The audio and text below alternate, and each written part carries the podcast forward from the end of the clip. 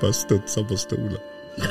Jag? Ja, Det är för att hon dricker koffein. Så jävla taggad. Är det så? det är bra. Jag med.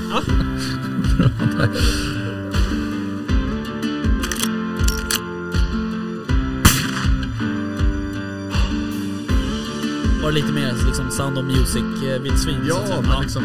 Ja, precis. Ja. Kosläpps liksom.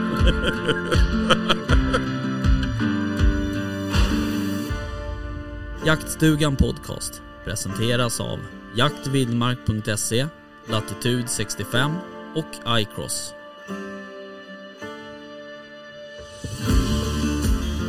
Jaha, då var man själv med podden idag. Eh, ingen av de andra kunde komma. Eh, vilket är extremt ovanligt för att vara oss. Eh, jag och Väst spelade ju in ett poddavsnitt igår i och för sig. Eh, som vi kommer släppa som en sån här um, temaavsnitt med um, ja, som handlar om bågjakt helt enkelt. Um, och igår så uh, pratade vi med en kille som um, är jakt, uh, jobbar som jaktguide. Men uh, det får ni lyssna på sen när det släpps. Eh, men jävligt intressant kille att prata med och um, ett intressant eh, eh, ställe där han jobbar. Så att, och Vickan är på någon form av fotbollsträning tror jag.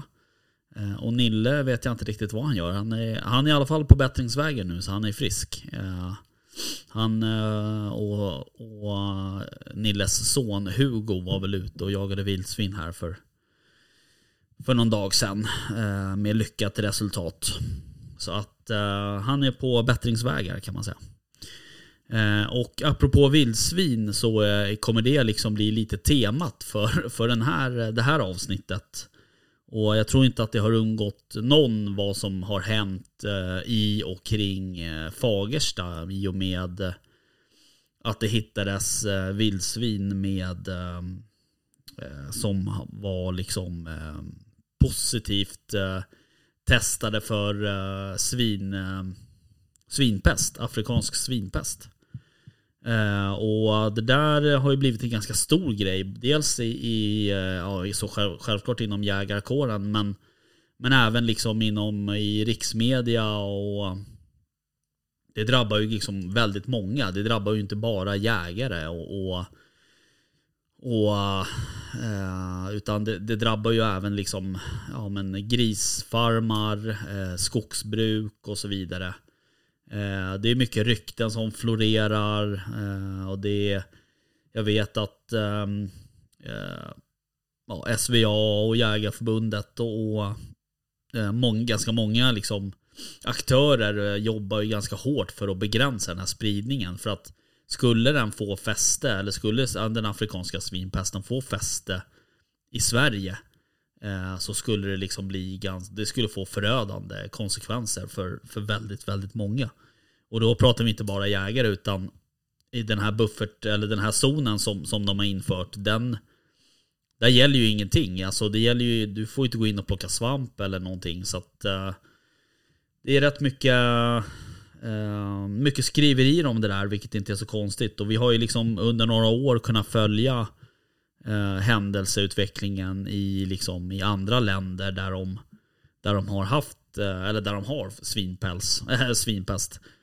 Eh, så, ehm, och det, ehm, ja det, det är liksom en, en väldigt smittsam, eh, eh, ett, ett väldigt smittsamt utbrott. Så att vi ska faktiskt prata med en, um, en kille som heter Erik som jobbar på, um, på SVA.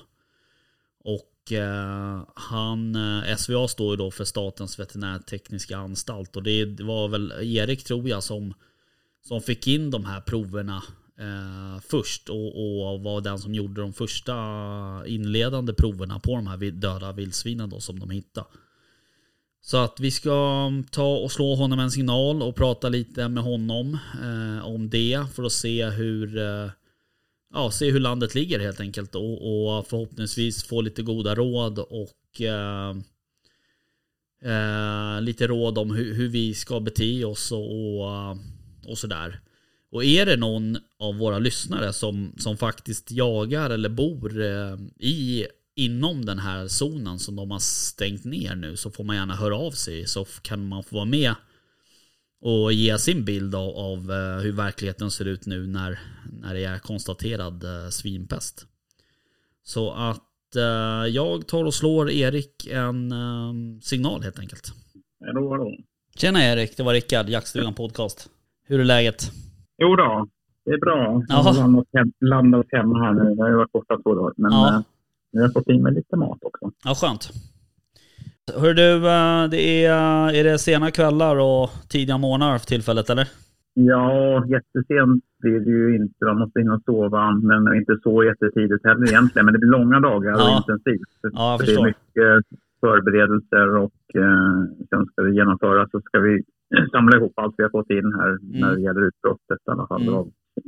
Ja, precis. Uh, det där, um, alltså vi har ju, vi, jag kommer ihåg för något år sedan så intervjuade vi eh, Daniel Ligné har jag för mig det var på Svenska Jägareförbundet. och då, då hade det precis liksom ja, blivit lite så allmänt känt att det fanns något ute i Europa som, som var en sån här all, liksom, eh, afrikansk svinpest och det gick lite rykten och liksom sådär. Och jag kommer så väl ihåg att han sa då, det är liksom inte en frågan om om det kommer utan när det kommer. Men liksom var det väntat eller har man haft någon, eh, någon liksom strategi från SVA då där du jobbar så att säga? Har man haft någon? Oh ja, det här har ju, det finns ju handlingsplaner som har jobbat med under många år. Mm.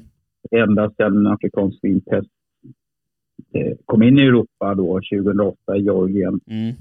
och spred sig i östra Europa och ännu mer när eh, den kom in i Polen då.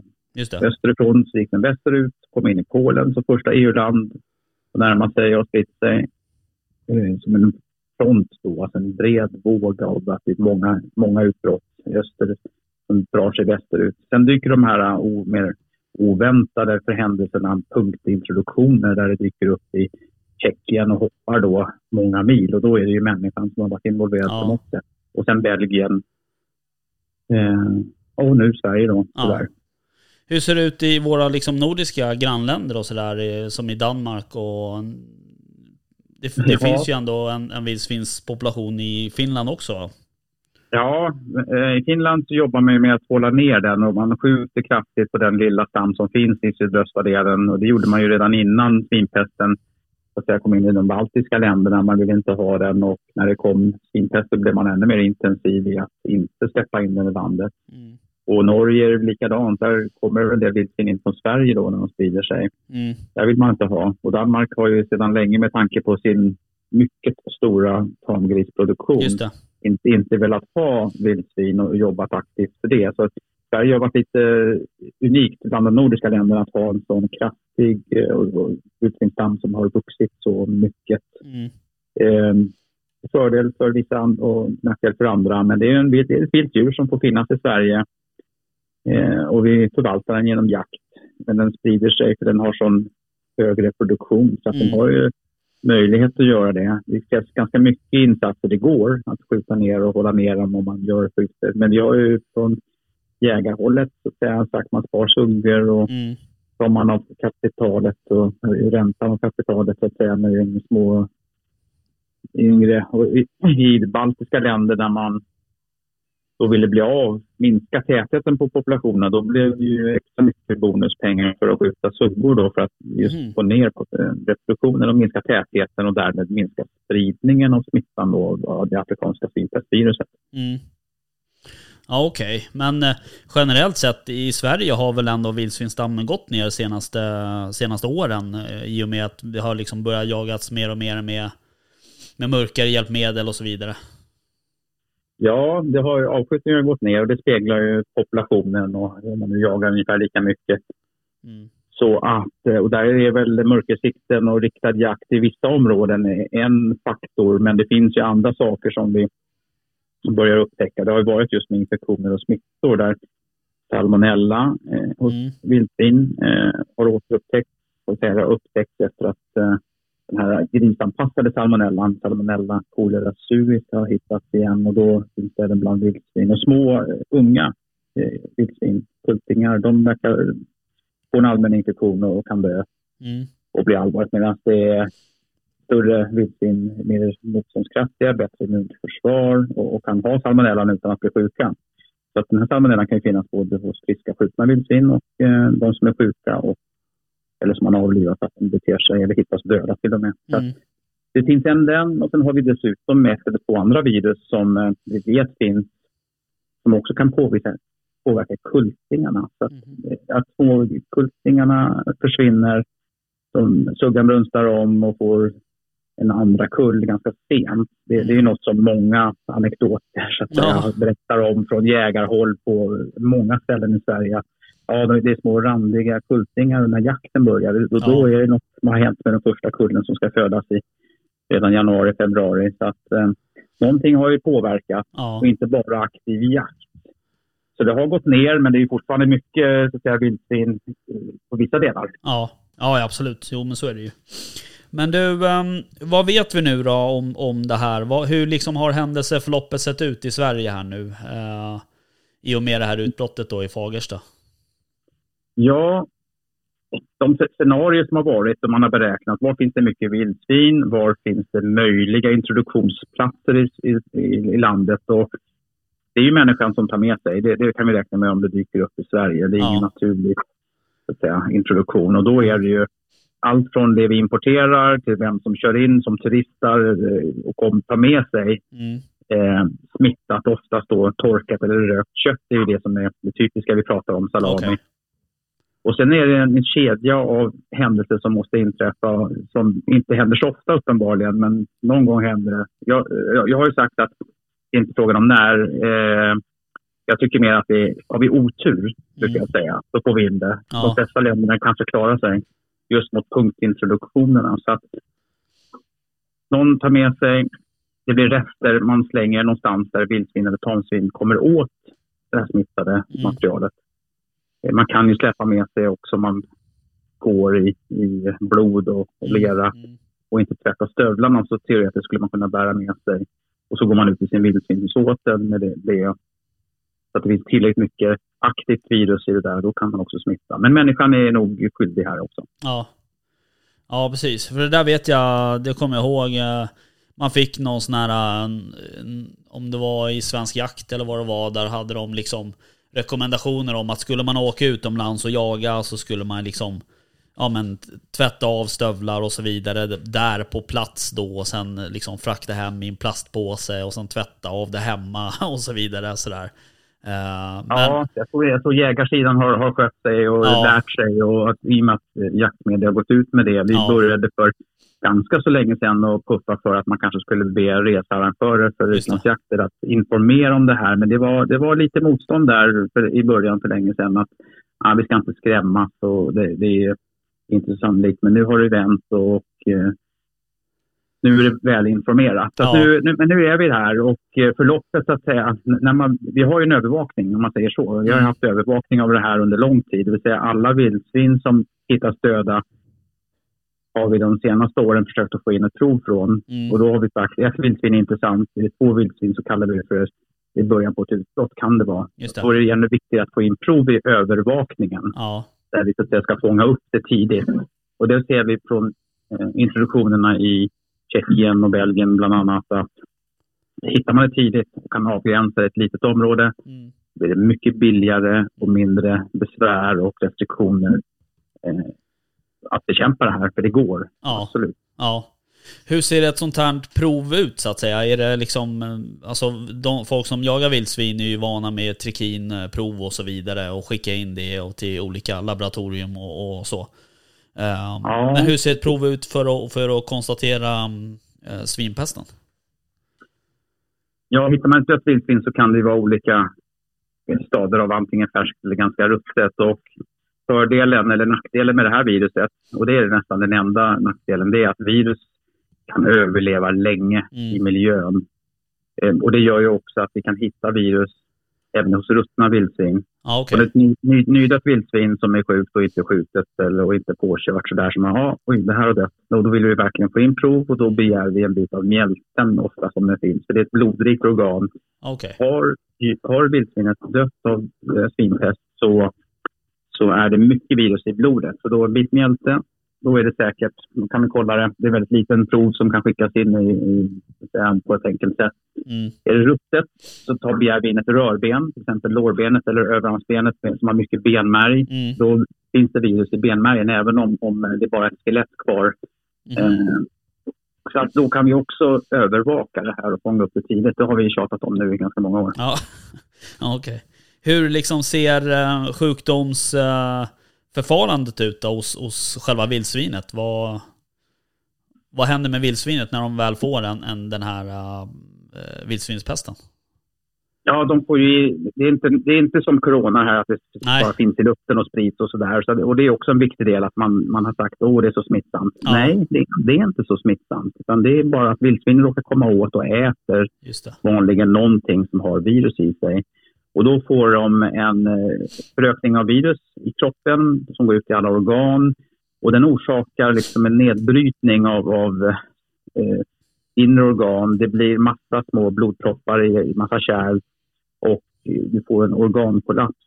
Du får liksom en allmän infektion, eh, hög feber. Mhm. Så att det är därför de söker sig till vatten. Okej. Och man hittar ofta de här döda vildsvin i vatten. Och det, det var ganska fascinerande idag, eller i, igår när vi skulle ta prov från några kadaver som hade hittats och märkts upp. Skulle vi från SVA gå ut och hitta de här. Eh, Så gick man längs en bäck i en, eh, under en kraftledning. På vägen dit så hittade vi tre till som inte hade hittats. På Jaha. 300 meter så låg det, låg det fem döda vildsvin. Ja. Och de, de flesta låg i eller intill en bäcken som, som var där. De har feber, går ner och ska svalka sig och dör. Ja.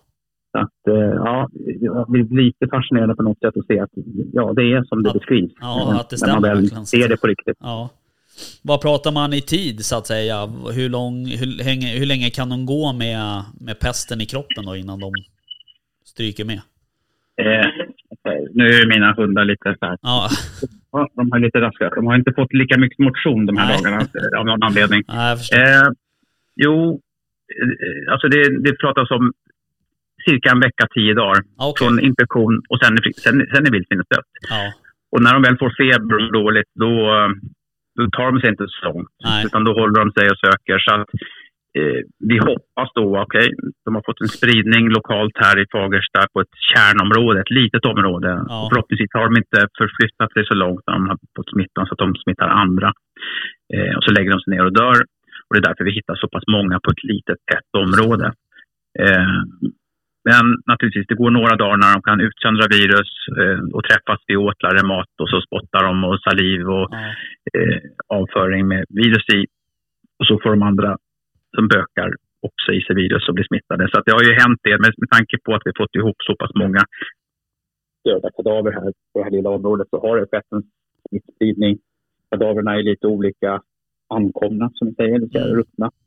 Eh, några är bara skelett som luktar väldigt illa, Mm. men de, de är också positiva för svinpest. Det, Okej. det är ju en liten gissning i nuläget hur länge det har pågått, men det är ju flera veckor, kanske upp till ett par månader. ja, Och samtidigt så pratar vi med jägarna i trakten som ja, det har gått ner, vi har inte sett vildsvin i det här området och det har sjunkit sen, den, den juni eller något sånt där. Då, ja, då kanske då det kom in och började mm. sprida sig. Men ehm, liksom, ehm, vad, vad får ni för eh, liksom stöd? Och jag har läst eh, i liksom riksmedia så att säga att det, det är väldigt stor hjälp av jägarna och sådär. Och, och är det, delar du den uppfattningen också? Att det hjälps till väldigt mycket och oavsett... eh, ja, Ja, absolut. absolut. Eh, sen dessutom har ju alla involverade myndigheter och eh, branschorganisationer Mm. haft samverkansmöten som Jordbruksverket har lett månad, eh, så att säga, varje månad. Så Ja. samlas man och vad, gör, vad kan vi alla göra för att eh, förbereda sig, för att förhindra eller för att upptäcka tidigt. Mm, Så att de, det har varit bra. Sen har det varit lite uppehåll under coronan här under pandemin, men det, det har pågått eh, och förberedelsearbetet. Så att jägarorganisationerna har varit med på de här och eh, i nuläget så har ju Jaktförbundet haft personal på plats som har samordnat och haft kontakt och kunskap, lokal kunskap Ja, helt avgörande för att lätt kunna gå ut och se på markerna vad det är. Så att vi har haft morgonsamlingar eh, varje morgon vid halv nio och eh, med frivilliga som har kommit och skrivit upp sig. De får en kort biosäkerhetsutbildning för att det är bara de som har gått utbildningen och som har varit i kontakt med oss och Jägarförbundet som får gå ut eftersom Mm. de här restriktionerna säger att man inte får i naturen. Så då är det inga andra människor. Man går i små par, parvis och tar små områden. Så att det är ju jägarna som har letat, hittat kadaver, rapporterat in. Och sen har vi från SVA och Jordbruksverket varit på plats för att eh, ta prover och få in för analys och att sätta upp hela apparaten med att sätta, det, här är, det, här, det här kommer på att gå länge innan vi är klara. Alltså det Ja. sätts upp en stor ledningscentral och en, som en provtagningscentral. Och det, det tar de här dagarna eh, för att få allting på plats. Men nu, nu eh, börjar det komma så att snart kan vi kanske få lite mera luft och få andas. Vi måste ha en uthållighet i det här helt Mm. enkelt. Ja, precis. Ehm, hur, hur många vildsvin har det hittats nu då totalt sett i det här området? Ja, igår låg vi ju på sju- 27 eh, hittade kroppar eh, och bara igår hittade vi nio Ja, nya och eh, några till idag. Inte jättemånga, för nu har vi faktiskt Ja, vi konstaterar, här har vi ett litet område runt den här avfallsstationen som har Mm. pratat så mycket om. just det. Där det uppenbarligen har varit en onaturligt för området eh, hög förekomst av vildsvin. om man säger så. Där Ja. det finns mycket mat, de trivs där, de stannar där och Ja. så förökar sig. Så att eh, det är också förväntat. Det speglar väl lite grann hur det varit utomlands där de har väldigt täta vildsvinsstammar. Men utanför, en bit, liksom ett litet hemområde bort, där är det mycket glesare med vildsvin. Och vi håller ju tummarna för att inte hitta några döda vildsvin. Det skulle kunna ge oss en indikation på att det är väldigt begränsat. Vi kan stängsla av lite strategiskt Mm, så att inte några infekterade vildsvin börjar flytta på sig, särskilt när brunsten kommer. just det. Och så um, låter de dels dör ju de som är infekterade och sen går man in utan att störa dem för mycket och avlivar de sista. Ja, Och i zonen utanför, där då, om man inte hittar några döda, eller man hittar döda och de är negativa vid analys, vi tar ju prov på alla som hittas, Mm. då, då kan man ju börja jaga och skjuta bort dem så att det blir en vildsvinsfri zon. just det. Och alla som skjuts ska också provtas och analyseras. Ja. Och är de negativa går det bra att äta dem som vanligt. Man ska inte slösa på den här resursen. Nej, nej. Att, eh, och då kan man också anpassa restriktionerna, Just det. vilket är en viktig och stor eh, som, sak som tas upp i media. Och Ja, naturligtvis alla som bor där som är påverkade. Ja, det här det. påverkar hela samhället. Och, eh, Fagersta kommun hade en informationsmöte igår kväll i sporthallen som var välfylld. ja, Mycket bra, uppskattat, bra frågor från allmänheten. Eh, bra förståelse och sen stod det ju ett stort gäng med frivilliga jägare som skulle vilja komma ut i helgen och hjälpa till och titta på resten av det här området, restriktionsområdet. Om alla jaktlag går ut och, och söker igenom sina marker utan att störa vildsvin för mycket förstås så mm, kan vi få en indikation på om det ligger döda vildsvin eller inte, provta och hittar de absolut ingenting så um, kanske vi har ett litet område, kan bekämpa det här och bli friförklarade mycket tidigare än både de andra länderna har lyckats. Det har tagit ett år, minst ett år ungefär innan man sista, från första till sista fallet och sen tar det ytterligare ett halvår minst innan man blir friförklarad. säga. Nu är det rent. Och det har med EU och restriktioner att göra. Men så vi, vi måste ju följa EU-reglerna för det här och det finns ju lätt. Men det här med zonering som det är nu. Vi har ett område, vi tittar igenom det och sen bestämmer vi en lite inre zon som är infekterad. Och då kan den yttre zonen bli, där får det lite friare helt enkelt. Mm. Så, att, eh, så där blir väl jakten då ändå förstörd Ja. säga, alltså, i hela området. Och ja det är precis. en viktig del att tänka på för de som inte får någon jakt här.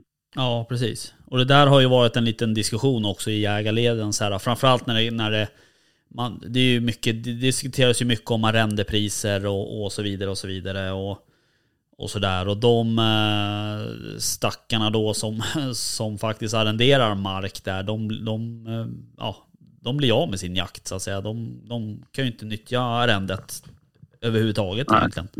Nej, precis. Och där, men där är det ju Jordbruksverket som är de som tar, fattar besluten. Alltså Jordbruksverket är ju eh, riskhanteraren. Det är de som eh, bestämmer och gör föreskrifter och Mm. talar om det här är det som gäller och använder lagstiftning. SVA är då riskvärderare som har en expert- expertmyndighet som vet mycket om sjukdomarna och ger så att säga, råd och stöd för hur man, ska, hur man ska bekämpa och hur så att säga, tillsammans med Jordbruksverket genomför det här. Och SVA har vi ju slumpmässigt så att säga, kan man säga att det vi har ju två, två stycken disputerade forskare som har, har disputerat på svinpest. Bland annat vår statsepizootolog Carl Ståhl.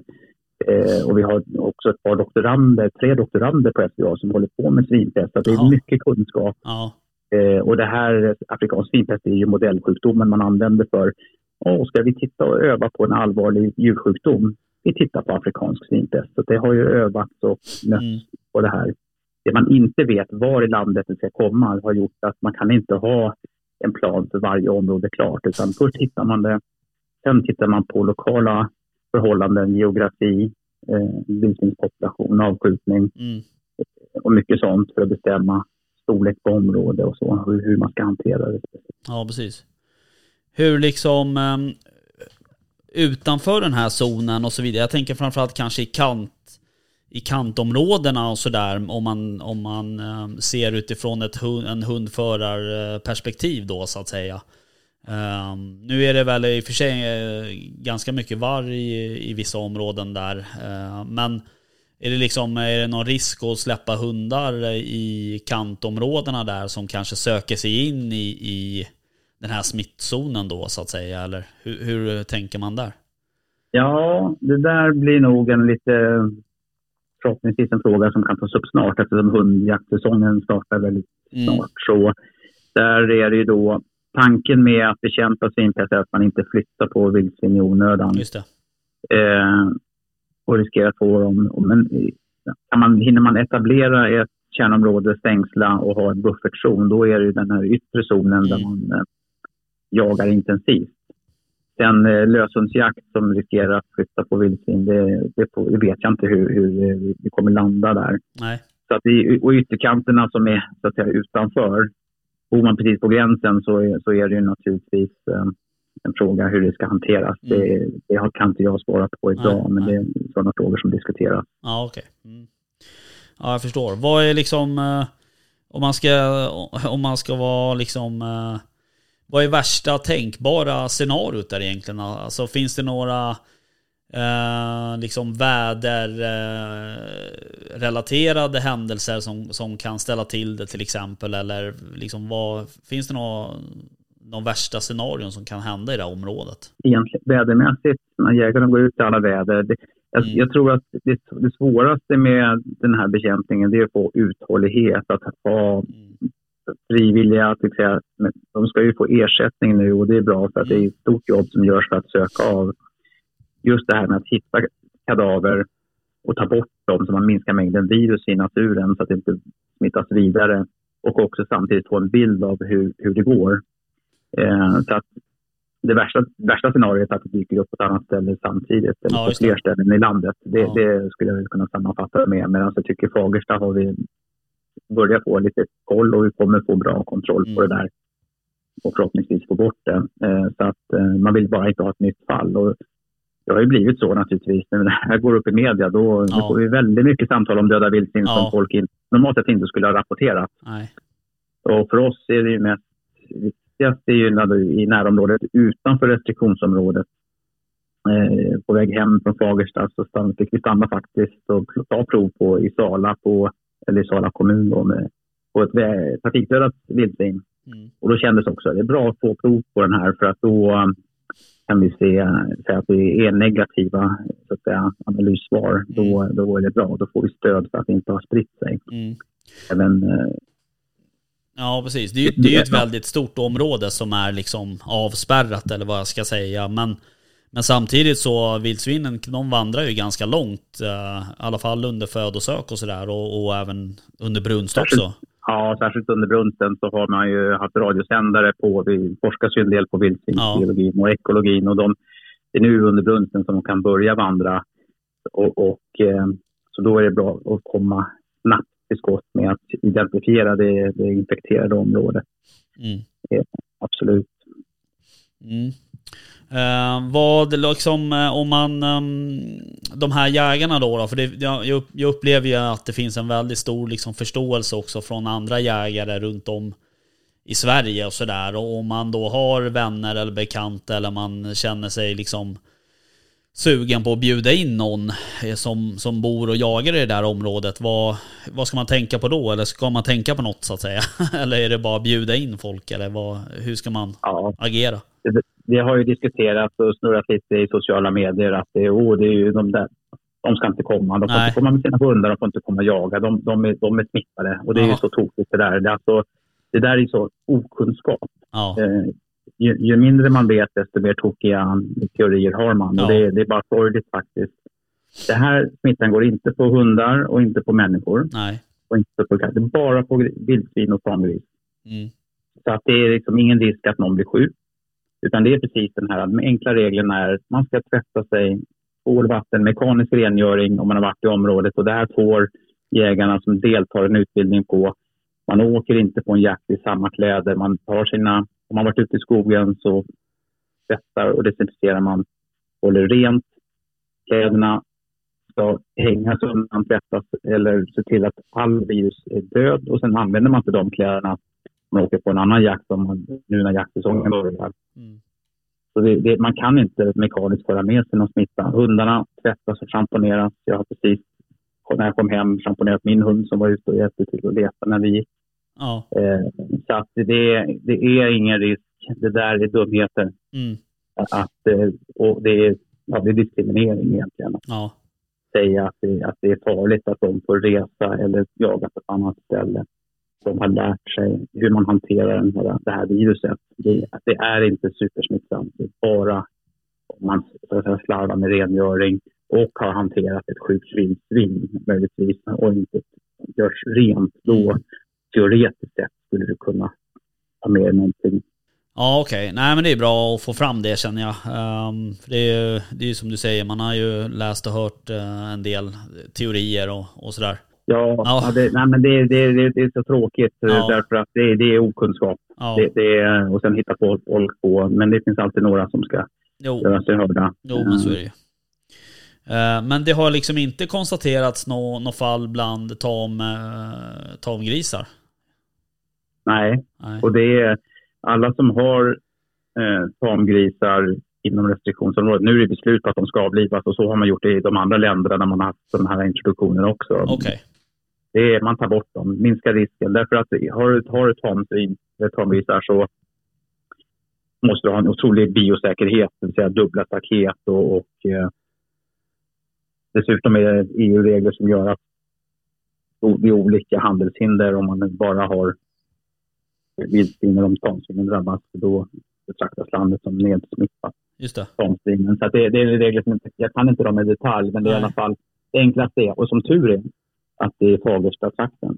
Det, det finns inte många tamsvin där. Nej. Så att det drabbas inte. Hade det varit en, en eh, tamgrishäst eh, med mycket besättningar, mycket djur, då hade det varit ännu jobbigare. Det är naturligtvis jobbigt att bli tvingad att avliva sina djur, men eh, Mm. det blir, dels blir det kompensation ekonomiskt och, och förhoppningsvis en stor förståelse för att man bidrar till att minska risken för att, eh, att det kanske finns vidare.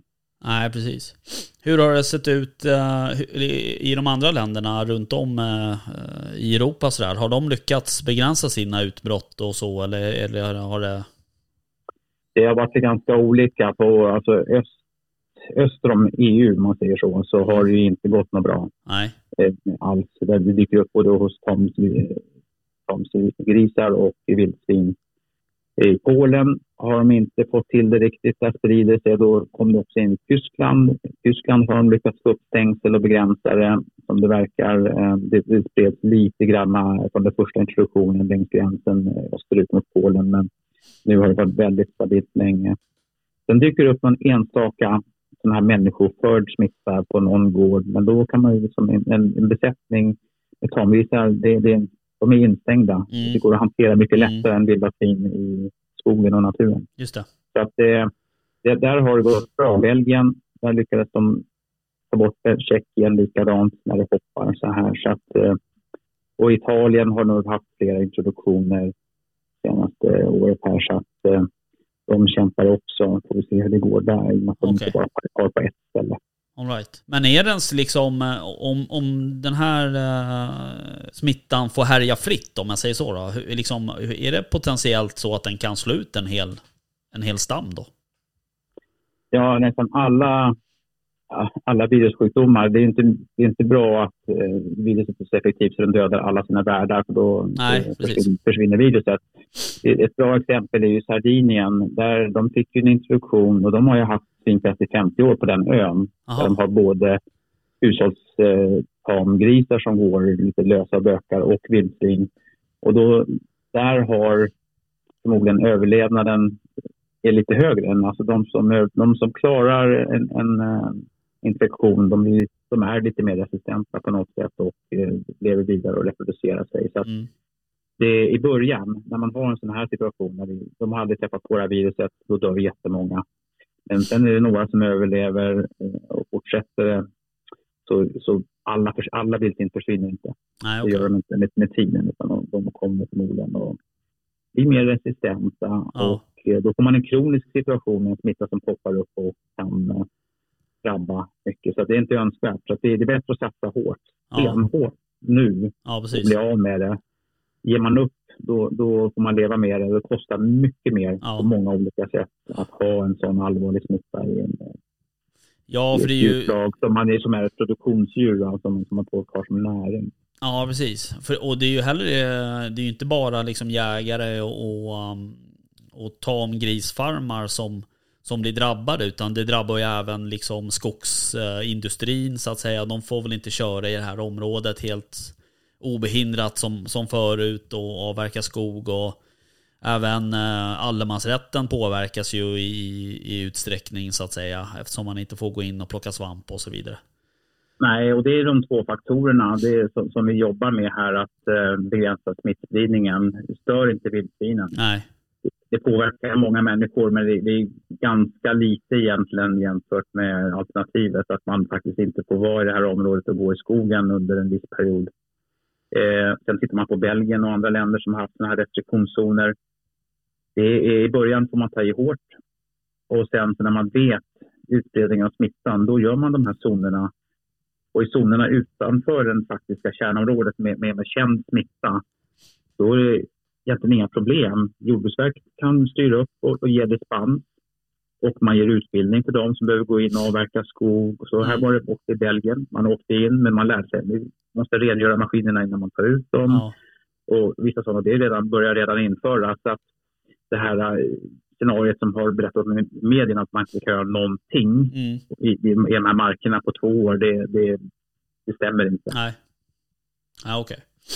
Och att, eh, att eh, jord- spannmålsbönderna kan få skörda och sådär. Man ska, man ska inte störa och flytta på vildsvinen. Man ska inte gå in och få med sig smitta och flytta på den Nej. som dyker upp på ett nytt ställe. Det är de två enkla reglerna. Ja, Så att eh, bete er liksom ordentligt så, så blir det inget problem. Då kan du bli av med det här. ja. Ja, nej men det, det um, om, man, om man tolkar eh, vad du säger så, eh, så låter det ändå som att det finns hopp om att vi kan bli eh, liksom smittofritt eller att vi kan få bort den här smittan då så att säga.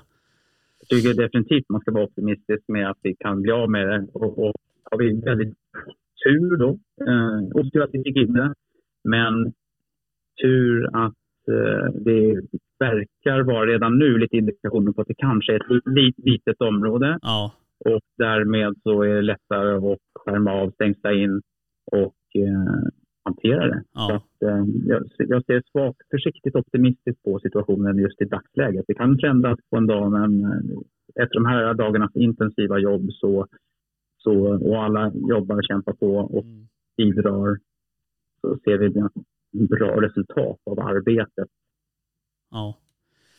Ja, nej det är ju, eh, det är många liksom frivilliga som hjälps åt och sådär. Och du nämnde ju det tidigare här att nu ska de ju eh, få någon form av ersättning och sådär. Och det är ju det är ju superbra liksom. För det är utan, utan, också utan den lokala kunskapen ifrån jaktledare och, och eldsjälar och så vidare så kan det bli svårt att hitta där de håller till då, vildsvinen och sådär. Ja, och det så att via Jägareförbundet har, har jag fått höra att det är många frivilliga så att säga, utländska experter och vildsvinsjägare som har erbjudit sig att komma och hjälpa Mm. till. Men det är lokalkännedomen som är viktig. Och eh, det svåra är egentligen uthålligheten, att vi ska orka och ha folk som kan, känner marken, som kan gå ut och, och spana av marken först en gång nu och få en situation. Sen behöver vi göra om det där för att se om det har dykt upp nya fall och nya döda kroppar Mm. så vi kan följa upp det. Så att, eh, det är uthålligheten som är eh, utmaningen. Mm. Folk måste få vila och måste få jobba med sina vanliga jobb också. Ja visst, jo men så är det ju. All right. Jaha, du ehm, Erik, stort tack för att ehm, jag fick eh, ringa och ehm, kolla lite vad som händer. Ja, nej men det var varit väldigt intressant för oss. Jag tycker det är viktigt att eh, alla jägare och alla som lyssnar inser att det finns några enkla regler. Det är hanterbart. Det är inte så farligt och definitivt att inte eh, jägare och hundar från det här området är något som läskigt och farligt utan vad egentligen stötta dem genom att låta dem få jaga och bjuda in dem Mm. så att de får, får eh, utöva sitt intresse någon annanstans den här tiden när det är restriktioner. Mm. De behöver också eh, återhämta sig och få, få nå- göra något trevligt som omväxling. Ja Och inte bara leta efter illaluktande kadaver. Nej. Som du, mm. Nej precis. Nej så är det ju absolut. Eh, men det tar jag med mig och ehm, det ehm, förmedlar vi ut till lyssnarna. Eh, Så får vi väl, eh, vi, vi får ju stämma av här om ett halvår eller någonting. Får se var vi har, eh, var vi landar någonstans. Absolut. Det här är ju bara dag, nu har jag tappat räkningen här. Ja. Jag, dag, vill om det är dag fem eller dag sex. Alltså någon vecka har det ju gått nu. Ja, Eh, imorgon har det gått en vecka, ja. Det var ju liksom på onsdag det blev officiellt. Just så det. att, eh, det, det, vi har hänt otroligt mycket på en vecka. Det har Ja. gått väldigt snabbt. Eh, och vi är igång och jägarna är igång och snart har vi det, hela systemet och logistiken på plats så att det ska kunna snurra de här månaderna där mycket jobb behövs. ja. Ja, det är bra jobbat. Ja, tack. Och till alla jägarna lokalt särskilt. De har gjort en verkligen kämpainsats och gör det fortfarande. Ja, ja, nej det, det är eh, imponerande faktiskt. ehm, måste jag säga. Men du, ehm, trevlig kväll då, då så ehm, får du eh, jobba på och sen eh, hörs vi av eh, framåt. Det låter utmärkt. Ja, ha det bra. Tack så mycket. Hej. Hej. All right. Eh, ja, det är ju... ehm, man kan väl konstatera att, att det verkar som att de är liksom ovanpå problemet. Uh, SVA och alla andra liksom myndigheter och, och samverkanspartners eh, där uppe i, Fagersta. Eh, även liksom lokala jägare och sådär. Och utan liksom ja, utan de lokala jägarna så hade det blivit enormt mycket svårare i alla fall att kunna liksom identifiera vart, vart de här vildsvinen finns någonstans. Så um, en stor eloge till, till alla de som hjälper till med det där och, och faktiskt eh, eh, ja, men hjälper till att stoppa smittan. Så att eh, och som jag sa tidigare där att om det är någon som, som faktiskt jagar eller som eh, bor och verkar i området där så får man gärna höra av sig och, och eh, vara med och berätta om sina, eh, sina erfarenheter helt enkelt. Eh, och just det där, just den frågan om, eh, om jägarna som, som bor där och, och hur man liksom ja, hur man ska eh, liksom, hantera dem så att säga. Om man ska vara lite medmänsklig och bjuda in dem till jakt på sina egna jaktmarker utanför den här zonen så var ju svaret ganska klart att det är liksom inga, det är ingen fara utan eh, det är bara att bjuda in så att säga. Sen finns det ju regler om man ska förhålla sig till då såklart då. Men, men eh, så det får ni lov att göra och bjuda in folk som faktiskt eh, vill komma och, och eh, behöver komma därifrån och jaga. Eh, det är ju många, jag vet inte hur, hur många jägare det kan vara men det är ju väldigt, väldigt många som blir drabbade av det här liksom viktigt att jägarkåren håller ihop på något sätt. Men eh, det är supermärkligt att köra ett avsnitt med sig själv. Man blir lite, eh, alltså, man blir lite dum i huvudet av att sitta och prata med sig själv så här. Men eh, och jag tänker egentligen inte att jag ska dra ut på det så länge. Utan eh, vi eh, tackar för det här avsnittet. Det vart lite kortare än, än normalt. Men ändå väldigt intressant. Eh, var synd att inte de andra kunde vara med för jag tror att eh, de hade säkert eh, sina frågor som de vill ställa och sådär. Eh, men eh, så är det ibland. Eh, okej, okay, men eh, tack för att ni lyssnade och ja, vi hörs nästa vecka. Nej, det gör vi inte alls det. Eh, nästa vecka är inte jag med utan då är det faktiskt de andra som får köra för att jag kommer att vara utomlands. Eh, och det får ni höra mer om en annan gång. Så att eh, ha det bra allihopa. Hejdå!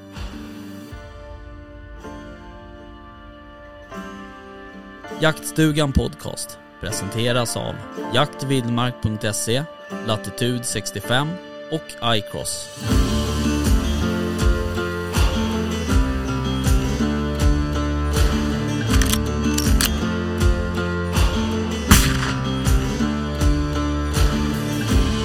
Erik Båsen